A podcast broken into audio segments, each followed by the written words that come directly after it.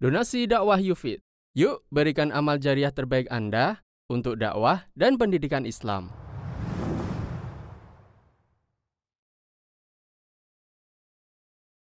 Bismillahirrahmanirrahim. Assalamualaikum warahmatullahi wabarakatuh. Alhamdulillahi rabbil alamin. Wa nasta'inu ala umri dunya wad din. وصلى الله على نبينا سيدنا محمد وعلى آله وصحبه أجمعين أما بعد Kita panjatkan puja dan puji syukur kehadirat Allah Subhanahu wa taala pada kesempatan malam yang berbahagia kali ini tanggal 17 Zulqa'dah 1440 Hijriah atau yang bertepatan dengan tanggal 19 Juli 2019 kita masih kembali diberi kekuatan, kesehatan, hidayah serta taufik dari Allah Jalla wa Ala sehingga kita bisa kembali menghadiri pengajian rutin untuk membahas adab dan akhlak dalam Islam di Masjid Jenderal Besar Sudirman Purwokerto ini. Kita berharap semoga Allah Subhanahu wa taala berkenan untuk melimpahkan kepada kita semuanya ilmu yang bermanfaat sehingga bisa kita amalkan sebagai bekal untuk menghadap kepada Allah Jalla wa Ala. Amin.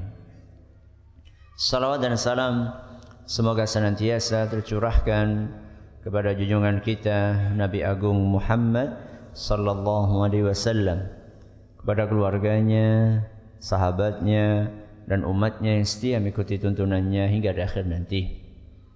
Para hadirin dan hadirat sekalian yang kami hormati dan juga segenap pendengar serta pemirsa yang mudah-mudahan senantiasa dirahmati oleh Allah Azza wa Jalla.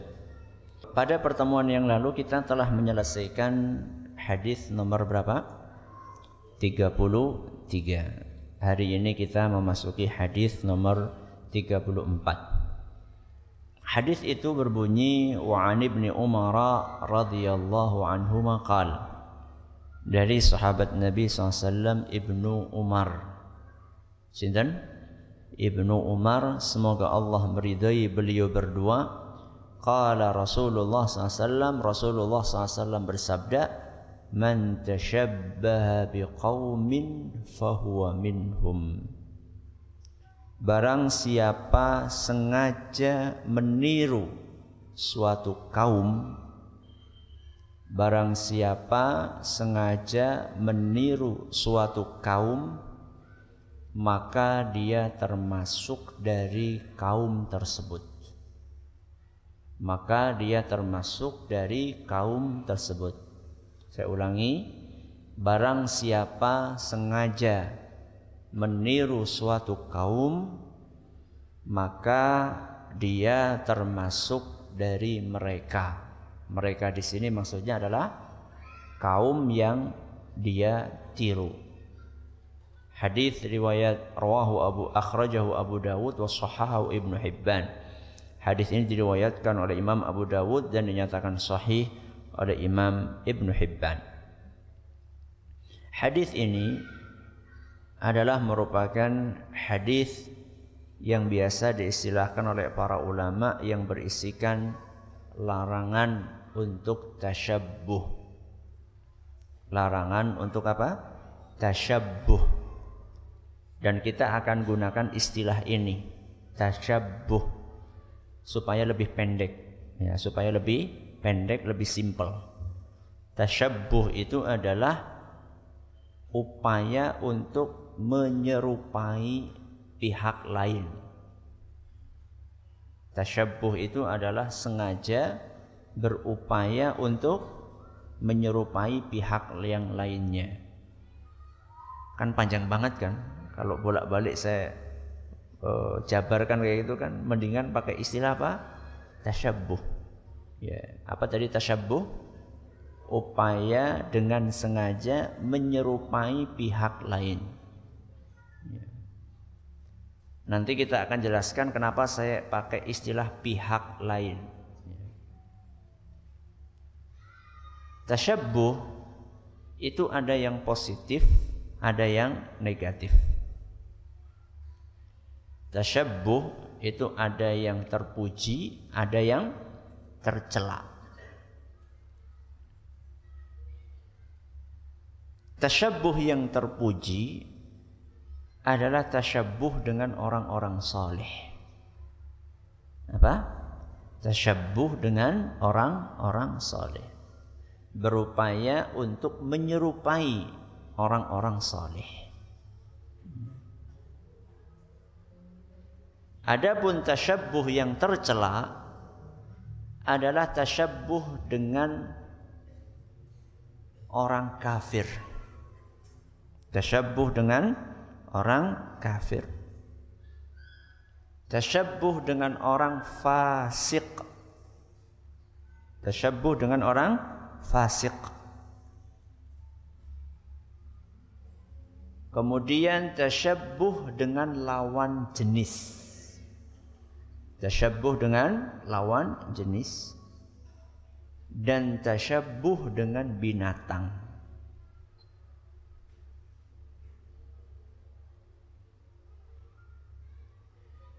Kita ulangi, tasyabbuh terbagi menjadi berapa? Dua. Ada yang positif, ada yang negatif, ada yang terpuji, ada yang tercela. Tasyabbuh yang terpuji apa tadi? Tasyabbuh dengan orang-orang soleh. Tasyabbuh yang tercela, tasyabbuh dengan orang kafir, terus orang fasik, terus lawan jenis, terus hewan atau binatang. Kita awali dengan tasyabuh yang positif dulu. Tasyabuh yang positif adalah ketika seseorang berusaha untuk menyerupai orang-orang yang soleh. Dan tentunya orang soleh yang paling soleh siapa? Rasulullah Sallallahu Alaihi Wasallam. Makanya ayatnya apa? Dalam surat Al-Ahzab ayat 21 laqad kana lakum fi rasulillahi uswatun hasanah. Telah ada dalam diri Rasulullah sallallahu alaihi wasallam uswah. Uswah itu apa? Contoh suri teladan. Hasanah yang baik telah ada dalam diri Rasulullah SAW contoh yang baik. Ada suri toladan. Suri toladan untuk apa? Untuk ditiru. Makanya tasyabuh tadi adalah upaya untuk meniru. Jadi kita orang Islam itu memang disuruh meniru Rasulullah Sallallahu Alaihi Wasallam. Meniru akhlak beliau, meniru ibadah beliau, meniru akidah beliau.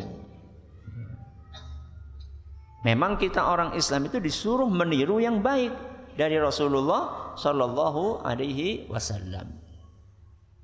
Terus siapa lagi selain beliau SAW? Para sahabat. Ya. Para sahabat, murid-muridnya Rasul SAW. Contoh Abu Bakar, Nyontoh siapa lagi?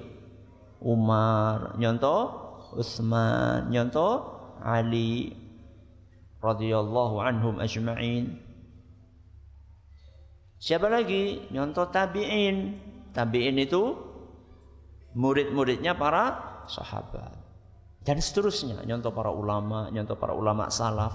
Kita memang disuruh, disuruh untuk nyontoh orang-orang soleh tersebut.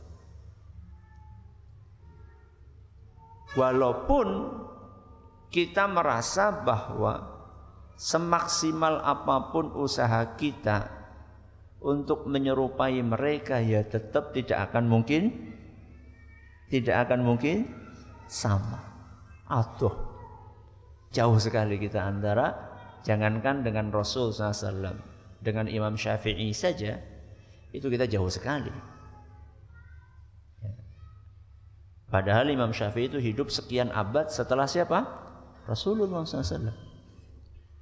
Tapi yang penting kita sudah upaya. Yang penting kita sudah berusaha. Ada kisah menarik tentang uh, seorang ulama tentang seorang ulama yaitu Imam Sufyan Ats-Tsauri. Siapa? Imam Sufyan Ats-Tsauri. Ulama banyak jamaahnya, banyak muridnya. Beliau memperhatikan ada salah satu muridnya masih muda, masih pemuda. Hadir rutin hadir majelis beliau. Tapi jarang bicara. Jarang bicara. Hadir, nulis, pulang, hadir, nulis, pulang. Pendiam sekali anak orang ini, pemuda itu pendiam sekali. Nah, Sufyan ini penasaran, pengen dengar anak muda ini ngomong. Ya.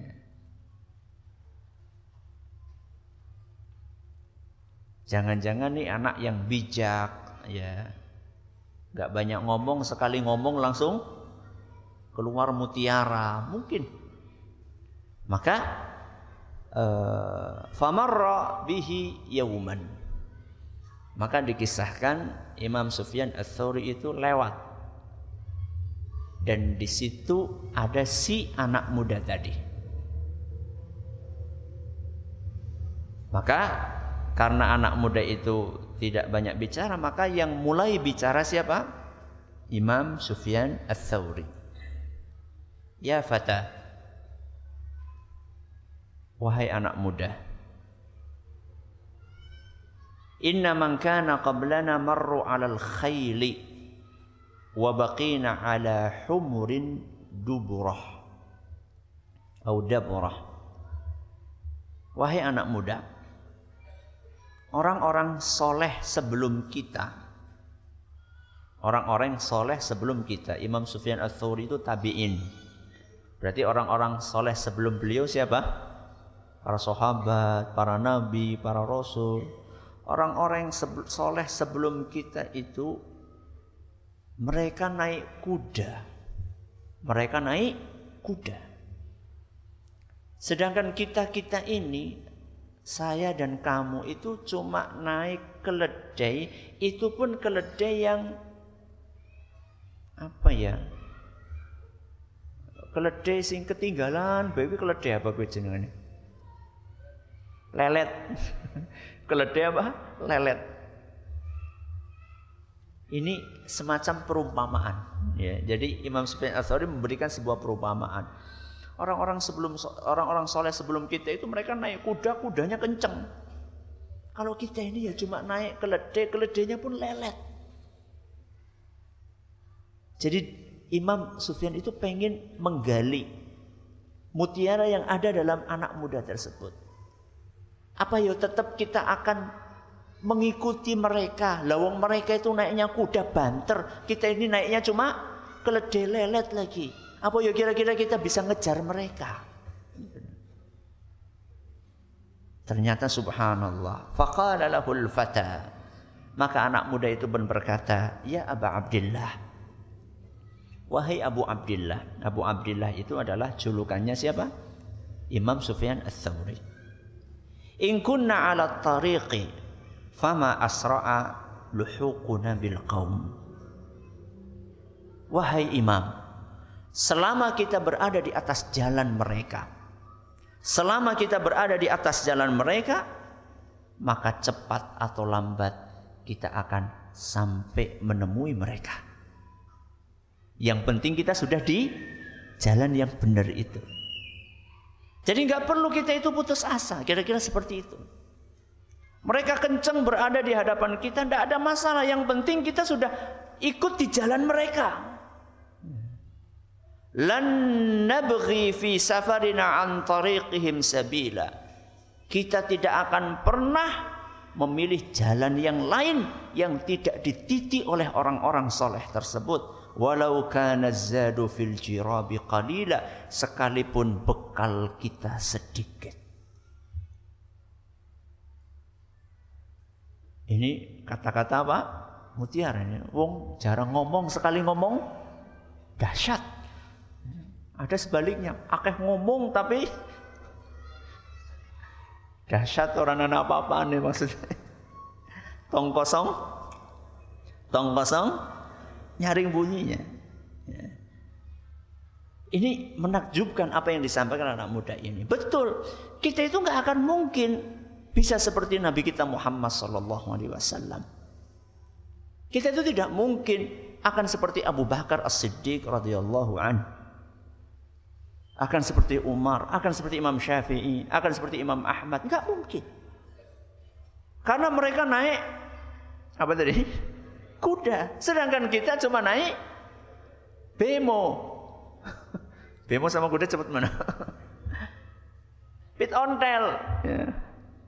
Jauh sekali. Akan tetapi yang penting kita itu sudah berada di jalan itu, jalan yang benar. Selama kita berada di atas jalan yang benar, jalan yang mereka titi, maka insya Allah cepat atau lambat kita akan sampai ke tujuan yang sama. Rasulullah SAW pernah bersabda, Al-mar'u ma'aman ahab orang itu di hari kiamat akan dikumpulkan oleh Allah dengan orang-orang yang dia cintai. Orang itu di hari kiamat nanti akan dikumpulkan oleh Allah Subhanahu wa taala bersama dengan siapa? Orang-orang yang dia cintai, yang dia tiru. Anas bin Malik sehingga saya yang dengar hadis itu berkomentar. Kami tidak pernah merasa bahagia melebihi kebahagiaan kami mendengar hadis tersebut. Kata Anas bin Malik, kami tidak pernah merasa bahagia melebihi kebahagiaan kami. Jadi saat itu sangat apa? Bahagia. Kami tidak pernah sesenang, tidak pernah sebahagia seperti saat mendengar ucapan Nabi SAW, Almaru ma'aman ahab, seseorang akan bersama dengan orang-orang yang dia cintai. Kenapa demikian? Kata Anas bin Malik, sungguh aku mencintai Rasulullah SAW. Sungguh aku mencintai Abu Bakar. Sungguh aku mencintai Umar. Aku mencintai para sahabat Nabi sallallahu alaihi wasallam dan aku berharap akan dikumpulkan oleh Allah Subhanahu wa taala bersama manusia-manusia tersebut sekalipun amalku tidak akan pernah bisa mengejar amalan orang-orang mulia tadi. Maka kita katakan mudah-mudahan Allah kumpulkan kita dengan siapa? Rasulullah SAW dengan Abu Bakar, dengan Umar, dengan Utsman, dengan Ali bin Abi Thalib. Walaupun amal kita jauh, tidak ada seujung kuku amal mereka. Dengan apa? Dengan kecintaan kita kepada mereka dan upaya kita untuk niru mereka. Ini tasyabuh yang apa? Positif. Ya. Yang kedua, apa tadi? Tasyabuh yang negatif. Tasyabuh yang tercela. Berapa tadi kita sampaikan? Empat. Tasyabuh dengan orang kafir, tasyabuh dengan orang fasik, tasyabuh dengan lawan jenis, tasyabuh dengan binatang. Yang pertama dan kedua, tersebut dengan orang kafir dan fasik kita undur pada pertemuan yang akan datang. Karena pembahasannya panjang. Maka kita akan bahas malam ini tasyabuh dengan lawan jenis dan tasyabuh dengan binatang. Tasyabuh dengan lawan jenis. Lawan jenis gue ya lanang nyon, eh, niru wong wadon wong wadon niru wong lanang ya. laki-laki menyerupakan dirinya dengan perempuan atau perempuan menyerupakan dirinya dengan laki-laki ini walaupun sering dianggap biasa bahkan sering dijadikan sebagai guyonan betul Nah, lawak itu kan biasanya ada yang laki-laki menampakkan diri berpenampilan seperti perempuan. Cuma untuk apa? Lawaan. Dianggap biasa dan pada ketawa. Ya, pada ketawa. Ternyata perilaku yang demikian dalam agama kita hukumnya haram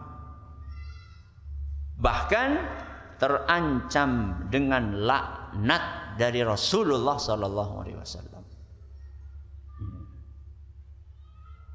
Dalam hadis yang diriwayatkan Imam Bukhari disebutkan la'ana Rasulullah sallallahu alaihi wasallam al-mutashabbihin minar rijali bin nisa' Rasulullah Sallallahu Alaihi Wasallam melaknat laki-laki yang bertasyabuh dengan wanita.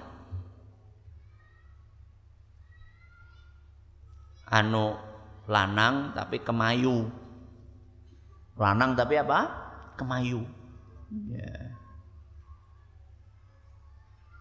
Berarti yang dapat lanat cuma laki-laki yang tasyabuh dengan wanita. Enggak wal mutasyabbihati minan nisa'i birrijal dan Rasulullah SAW juga melaknat wanita yang bertasyabuh dengan laki-laki. Apa itu namanya? Tomboy. Apa? Tomboy.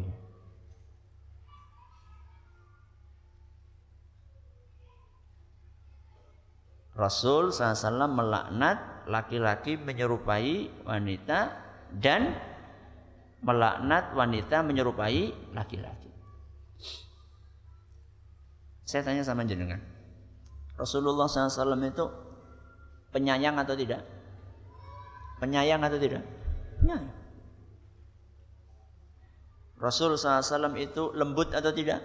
Lembut. Halus.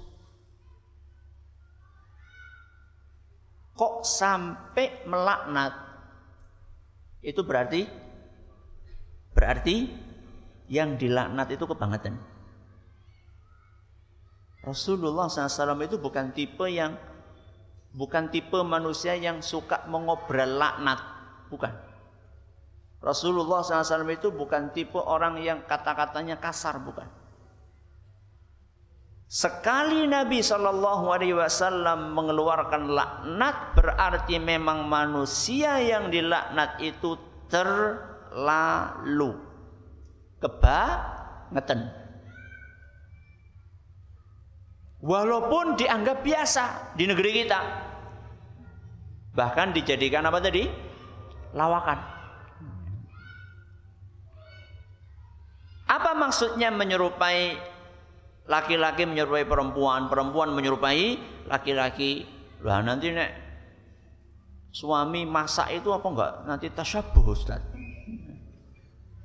Wah, gimana nanti kita laknat Ustaz? Bukankah eh, apa namanya? Masak itu adalah tugasnya perempuan. Oh, nanti tasyabuh nanti. Wah, alhamdulillah Ustaz aku orang bantu maning gitu.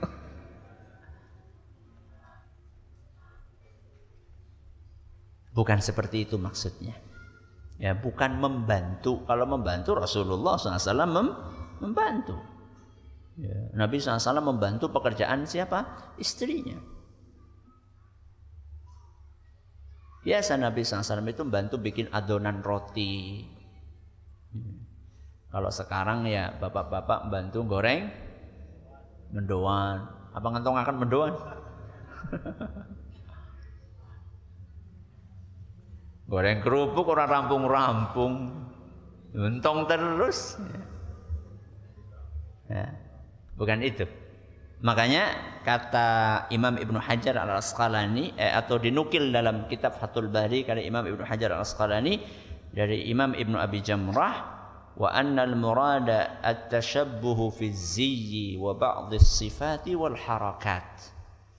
Maksud dari tasyabbuh yang dilarang dengan lawan jenis itulah tasyabbuh dalam berpakaian dalam apa? Berpakaian dalam sifat ya, dalam sifat dan dalam gerakan wa nahwiha dan yang semisal dengan itu dalam apa tadi pakaian dalam sifat dalam gerakan laki-laki menggunakan pakaiannya wanita sering buat lawakan, sering buat pawe. Maaf ini, laki-laki pakai BH. Ya. Ada kan yang kayak gitu? Buat pawe, yura izin. Terus laki-laki pakai daster. Pakai apa? Daster, pakai kebaya. Ya. Pakai sanggul. Ya, mung sanggulnya aja udah nggak bener. Dipakai pula oleh laki-laki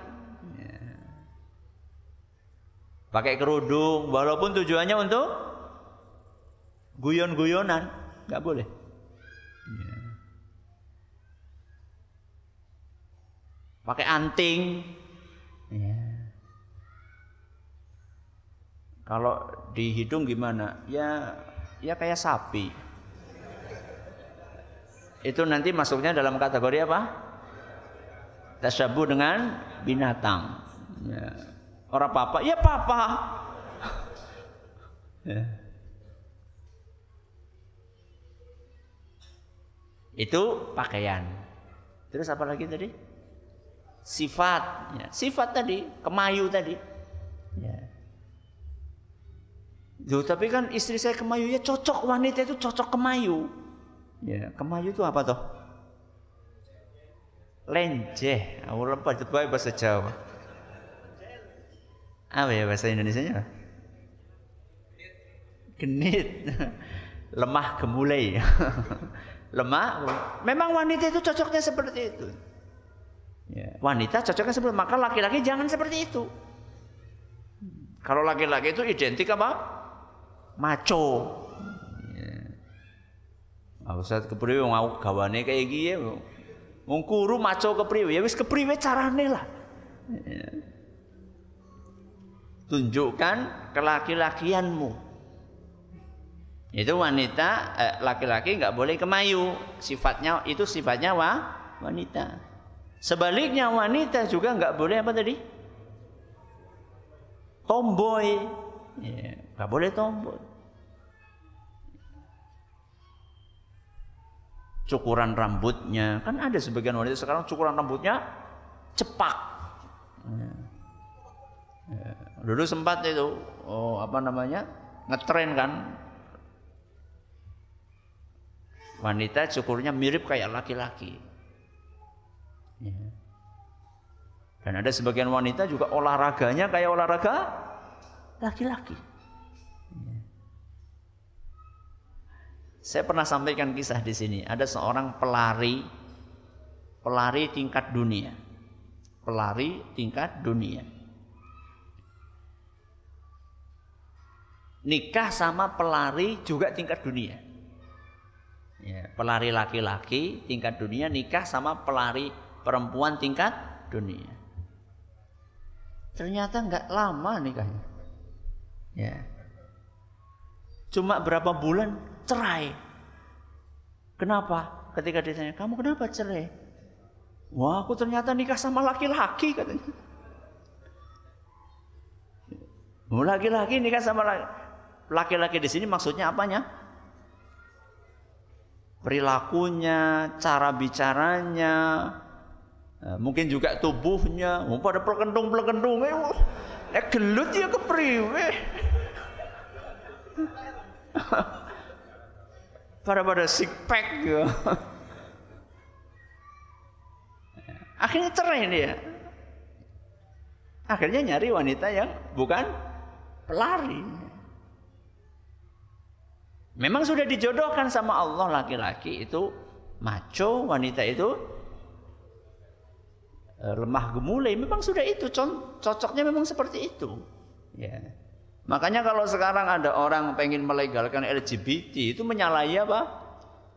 Menyalahi kodrat. Wong pedang kok ketemu karo pedang ya ora Gimana sih? Emang laki-laki itu cocoknya sama perempuan, perempuan sama laki-laki. Ya.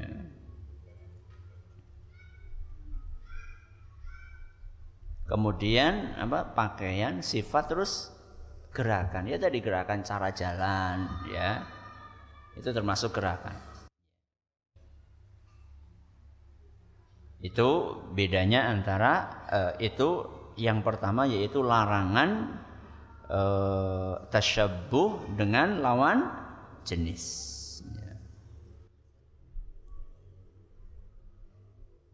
Nah kalau wanita menyerupai laki-laki pakainya bagaimana Ustadz? Itu pakai celana. Ya keluar rumah pakai celana. Ya celana jeans, ya celana levis, nggak mesti harus levis. Kadang-kadang wanita keluar pakai celana, ya seperti celananya laki-laki, nggak boleh. Ya. Tidak boleh. Atau pakai peci. Iya. Iya. Wanita pakai peci. Iya. Karena peci ini kan sudah identik pakaiannya siapa? Laki-laki. Kecuali kalau pakaian itu adalah pakaian yang biasa dipakai laki-laki dan perempuan. Apa contohnya? apa? Jaket. Apa? Jaket. Jaket itu adalah pakaian yang tidak bergender. pakaian yang tidak bergender. Ya. Kecuali kalau jaketnya pink. oh maco jaketnya pink ya cocok ya. Ustaz gimana Ustaz anu kademen Ustaz nang omah anane kue. Itu lain masalah, itu lain kasus. Itu Anda pakai jaket istri ya. Di dalam rumah itu kan tujuannya bukan dalam rangka untuk berbusana, bukan dalam rangka untuk berhias, tapi dalam rangka untuk kademen itu tidak ada masalah itu. Ya. Contoh yang lain juga misalnya pakaian yang tidak kenal gender itu sarung. Walaupun nanti cara memakainya berbeda.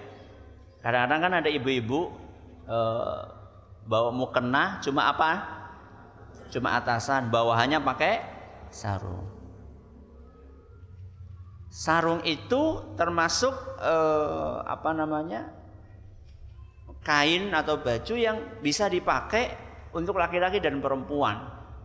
Cuman memang cara makainya beda. Kalau laki-laki biasanya kan rapi gitu, kemudian kalau perempuan cuma asal di jiret gitu ya. Dan memang dia panjangin supaya kakinya nggak kelihatan. Kalau laki-laki kan memang di atas mata kaki. Jadi itu caranya yang berbeda walaupun jenis pakaiannya mungkin sama. Ustaz kalau perempuan pakai celana tapi untuk daleman bagaimana? Kalau untuk daleman supaya tidak tersingkap insya Allah tidak apa-apa.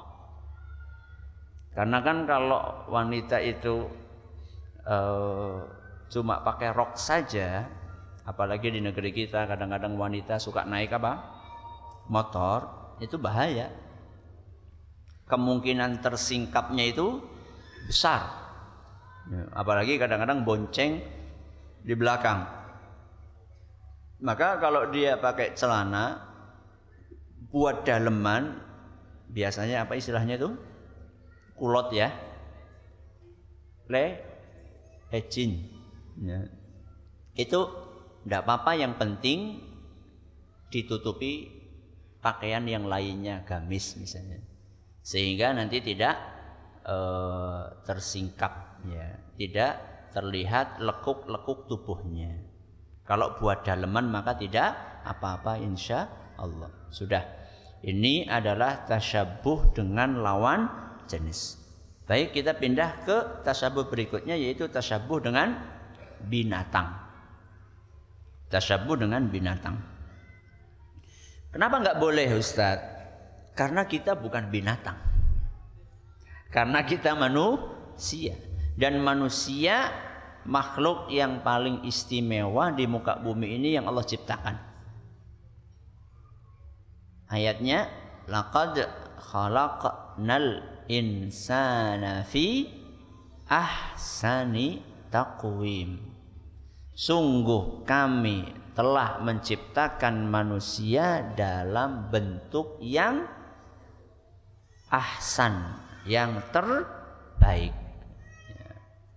Kita jalan dengan dua kaki ya. Bisa berdiri tegak itu sudah paling top itu. Surat apa tadi? Atin ayat 4 itu sudah paling bagus sudah. Ya. makanya kalau dijejerkan antara manusia yang paling tidak ganteng dijejerkan dengan kera yang paling ganteng ya tetap lebih ganteng manusianya.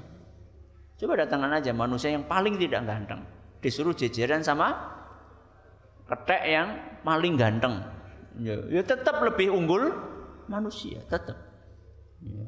Maka nggak usah berkecil hati ketika kita ditakdirkan oleh Allah nggak terlalu apa ganteng. Kalau pengen bersyukur ya pergi ke kebun binatang. Tetap jenengan lebih ganteng sudah. Laqad khalaqnal insana fi ahsani taqwim. Nah, karena kita itu sudah diciptakan oleh Allah dalam bentuk yang sempurna, maka nggak boleh kita tasyabuh dengan makhluk yang tidak sempurna. Ya. Dan itu banyak uh, kasusnya dalam keseharian antara dalam sholat. Dalam sholat. Dalam sholat itu ada posisi-posisi gerakan-gerakan yang oleh Nabi SAW diwanti-wanti supaya kita jangan tasyabuh dengan binatang. Contohnya apa? Sujud. Contohnya sujud. Rasulullah SAW dalam hadis riwayat Bukhari dan Muslim bersabda, "I'tadilu fis sujud." Sujudlah dengan sempurna, sujudlah dengan baik. Yang benar sujudlah. Wala yabsutu ahadukum dhira'aihin bisatal kalbi. Jangan kalian meletakkan lengan kalian di tanah, di lantai seperti anjing. Seperti anjing. Jangan kalian menghamparkan lengan kalian di lantai seperti menghamparkannya anjing kedua lengannya. Ya, anjing itu kalau lagi duduk itu kan lengannya nempel di tanah. Kalau yang diajarkan sama Rasul SAW bagaimana? Diangkat apanya? Sikunya diangkat sikunya. Bahkan kata sahabat yang sholat di belakang Rasul SAW, hatta ra'ayna bayadha ibtaihi SAW. Kami itu sampai bisa melihat putihnya ketiak Rasul SAW. Putihnya ketiak Rasul. Loh, kok kelihatan? Ya mungkin saya itu Nabi pakai baju ihram mungkin Ya, kalau orang pakai baju ihram kan nggak ada lengan kayak gini. Ya, cuma apa? Kain disampirin kalau lagi sujud kayak gini ya kelihatan. Itu menunjukkan apa? Menunjukkan bahwa Nabi itu betul-betul mengangkat sikunya. Ya, betul bukan sekedar formalitas, tapi betul-betul diangkat sama Nabi SAW. Ya. Wah, engkau nek nyerodok tanggane kepriwe Ustaz? Nabi kan jadi imam saat itu. Sehingga beliau bebas. Kalau kita lagi sholat berjamaah ya kita jangan sampai mengganggu tetangga kita, samping kita. Berarti bagaimana ya diangkat tapi tidak perlu sampai ke samping. Bismillahirrahmanirrahim. Alhamdulillahirabbil Wassalatu wassalamu ala nabiyina Muhammadin wa ala alihi wa sahbihi ajma'in. Amma ba'd. Uh, contoh menyerupai binatang yang lain dalam sholat itu adalah sholat seperti ayam yang sedang makan jagung atau notoli jagung. Ya. Ini termasuk tasyabuh yang dilarang di dalam agama kita. Anna Rasulullah sallallahu alaihi wasallam ra'a rajulan la yutimmu ruku'ahu yanquru fi sujudihi wa huwa yusalli. Rasulullah sallallahu alaihi wasallam melihat ada seorang yang salat rukuknya itu seperti ayam yang sedang makan makanan alias tidak menyempurnakan rukuknya. Jadi belum sampai ngetrep rukuknya itu sudah bangkit lagi. Sujudnya juga demikian bahkan mungkin belum sempat nyentuh ke mana ke lantai sudah bangkit lagi ataupun nyentuhnya cuma sekedar tul menyat Apa kata Nabi SAW? Lau mata hadha ala halihi hadihi mata ala ghairi millati Muhammadin SAW. Andaikan orang ini mati dalam keadaan seperti itu cara sholatnya. Maka dia mati dalam keadaan bukan di atas agamanya Muhammad SAW. Bahaya. Hadis riwayat uh, At-Tabarani dalam Al-Mu'jamul Kabir dan dinyatakan hasan oleh Syekh Al-Albani. Ya. Maka waspada jangan kita niru-niru binatang. Termasuk juga kadang-kadang kita walaupun tujuannya ingin dolani anak, kita nyontoh suara apa? Uh, kucing, nyontoh suara ayam, ya, yo, yang lebih mengerikan nyontoh suara anjing. Untuk nakut-nakuti orang, nyontoh suara serigala. Ya nggak boleh. Nah, itu termasuk hal yang dilarang di dalam agama kita. Ini pembahasan tentang tasyabuh dan insya Allah pada pertemuan akan datang kita akan lanjutkan dengan izin Allah Subhanahu Wa Taala seperti yang saya sampaikan tadi tunggu uh, tunggu uh, informasi berikutnya. Ustadz bagaimana hukum dan menyikapi pria yang berperilaku seperti wanita apabila ternyata memang sel kromosomnya memang banyak atau cenderung kepada wanita. Kalau bawaan dia harus berupaya untuk merubah. Kalau bawaan dia harus berupaya untuk merubah. Merubah bagaimana? Merubah melawan. Jangan dirawat. Dirawat apanya? Kemayunya itu jangan dirawat Ya. Terus gimana Ustaz? Ya latihan baris berbaris apa kepriwe? Ya. Jadi intinya itu kita itu nggak boleh menyerah dengan uh, menyerah dengan kekurangan tersebut. Itu kekurangan. Itu kekurangan. Kita harus upaya. Ya itu ibadah yang jenengan. Seperti gini, saya tanya sama jenengan. Manusia itu punya sifat pelit nggak? Punya nggak? Punya. Itu bawaan bukan? Bawaan. Cuman mungkin porsinya beda-beda. Anak sing lahirnya medit, anak sing mandan medit, anak sing medit banget gitu. Itu kan cuma masalah porsi, tapi kita semua punya potensi untuk pelit. Apa kemudian boleh kita beralasan, lawis kawan bayi gitu boleh? Gak boleh. Karena itu, karena itu ne, negatif. Kita disuruh dermawan. Da, itulah pintu ibadah kita melawan perilaku negatif yang ada dalam diri kita. Ya. Wanita laki-laki pun yang punya kecenderungan kemayu, dia harus melawan. Itulah pintu ibadah dia. Ada seorang kasih eh, apa perumpamaan kayak gini. Di negeri-negeri yang di negeri-negeri yang tidak difasilitasi di negeri-negeri yang tidak difasilitasi adanya kemayu-kemayu tadi, maka jarang muncul. Tapi di negeri-negeri yang difasilitasi maka akan semakin banyak. Bedakan antara Saudi atau antara Mesir dengan Thailand. Ya, dengan apa? Thailand. Ya. Lady boy, ya. Apa ya? Lady boy, betul? Ya. Lady girl ya pada boy. Lady boy. Aku yang ngerti lah bahasa Inggris titik-titik lah. ya. Itu sampai dibikin apa? Sampai dibikin kontes. Ya. Berarti kan di di apa kan? Difasilitasi. Yuk semakin banyak. Ya.